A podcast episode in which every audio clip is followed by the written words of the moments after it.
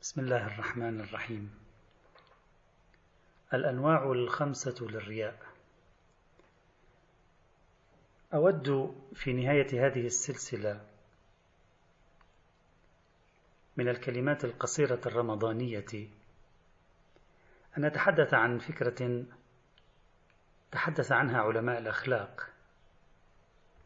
لن أضيف شيئا ذا بال كما لم أضف من قبل. ولكنني أجد أن هذه الفكرة تحظى بأهمية. عندما اشتغل علماء الأخلاق على موضوع الرياء وجدوا ظواهر متعددة له وأنماطا متعددة له وأن البشر يراؤون بأن يختلف سرهم عن ظاهرهم باطنهم عن ظاهرهم فيظهرون بمظهر وواقعهم بمظهر آخر بطرق وأشكال مختلفة. ومن جملة هذه الأنماط التي تحدثوا عنها تقسيم خماسي كان قد تعرض له الأخلاقيون أيضا في بعض كتبهم. النوع الأول من الرياء أطلقوا عليه الرياء في الدين بالبدن. وهذا الرياء سائد في أوساط الزهاد والعباد فيظهرون شدة النحول نحول الجسد ويظهرون مثلا علامة السجود في وجههم يركزون على ذلك يخفضون صوتهم ويذبلون شفاههم وما شابه ذلك بحيث يظهر الشخص وكأنه إنسان معرض عن الدنيا وكأنه إنسان صالح. هو يريد بلغة البدن أن يوصل رسالة أنني إنسان صالح. في حين أن واقعه لا يعبر عن هذه الصورة التي يقدمها للآخرين. بالعكس من ذلك أهل الدنيا أيضا يراؤون بأبدانهم لكن يراؤون بأبدانهم ليس لدينهم. يراؤون بأبدانهم من خلال القوة من خلال الجمال الذي يكون فيها. قد لا يكون جمالا حقيقيا ولكنهم يسعون لإيهام الآخرين ذلك. وهذا ضرب من الرياء في البدن للدنيا. إذا أول نوع من أنواع الرياء الرياء في البدن تارة يكون للدين وأخرى يكون في الدنيا. أن تجعل بدنك يحكي عنك حكاية غير صادقة ويكون لك من وراء ذلك غرض. أن تصل إلى قلوب الناس بوسيلة وطريقة غير أخلاقية. النوع الثاني من الرياء الرياء بالهيئة والزي. المقصود بالرياء بالهيئة والزي نوعية اللباس الذي تلبسه. إذا كان الرياء بالهيئة والزي لغرض ديني فإنك تلبس لباسا بحيث تعطي إيحاء بأنك زاهد في الدنيا. وهذا من الأمور التي ابتلى بها الكثير من المتصوفة أيضا. في سالف الأزمان. وإذا كنت من أهل الدنيا الرياء بالهيئة والزي هو هذه الحياة الفارهة في بعض الناس في حياته وضعه المادي في غاية الصعوبة لكنه إذا ظهر للخارج بدا وكأنه في غاية النعيم.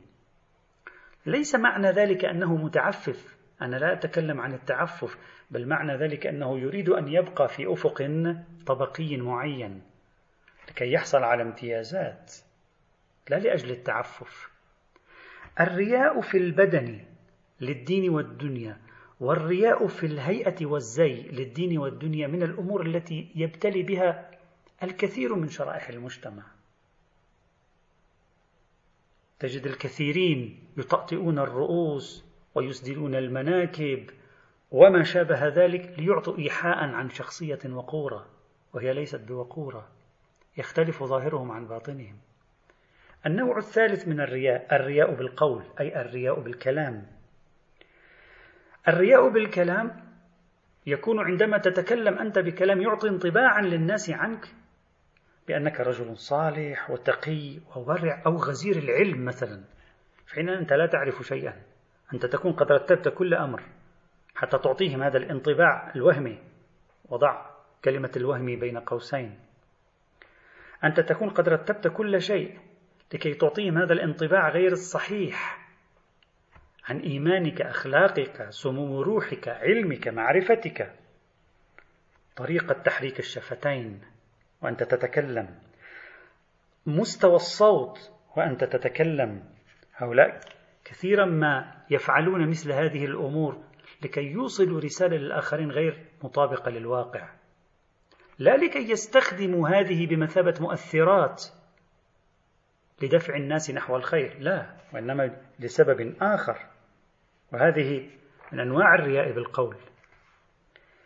النوع الرابع الرياء بالعمل كأن يصلي الإنسان رياء كأن يطيل سجوده وركوعه رياء كأن يتصدق رياء. كل هذه أعمال يقوم بها الإنسان للرياء والسمعة لا أكثر ولا أقل. والنوع الخامس والأخير هو الرياء بالعلاقات الاجتماعية.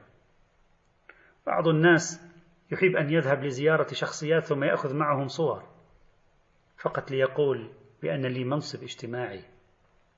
بعض الناس يحب في كل صغيرة وكبيرة في علاقاته الاجتماعية أن يبدي نفسه أكبر من حجمه الاجتماعي. أن تبدي نفسك أكبر من حجمك الاجتماعي لكي توهم الآخرين بشخصيتك غير المطابقة للواقع. هو أيضا ضرب من عمل الرياء. الرياء وهو اختلاف ظاهرك عن باطنك. فعل فعل يعطي الآخرين صورة عنك. هي ليست موجودة من أخطر أشكال السلوك الاجتماعي. ولا أتكلم هنا عن الرياء بالمعنى الضيق الخاص للكلمة اللي هو أن تفعل فعلا ليس قربة إلى الله تعالى. وإنما نتكلم عن رياء بوصفه سلوكا عاما في حياة الفرد وأحيانا في حياة الجماعة. أن تعطي وتسعى لأن تعطي الآخرين صورة عنك تخالف وضعك الخاص بهدف أن تحقق مكاسب وليس بهدف الورع ولا بهدف التقوى ولا بهدف التعفف. والحمد لله رب العالمين.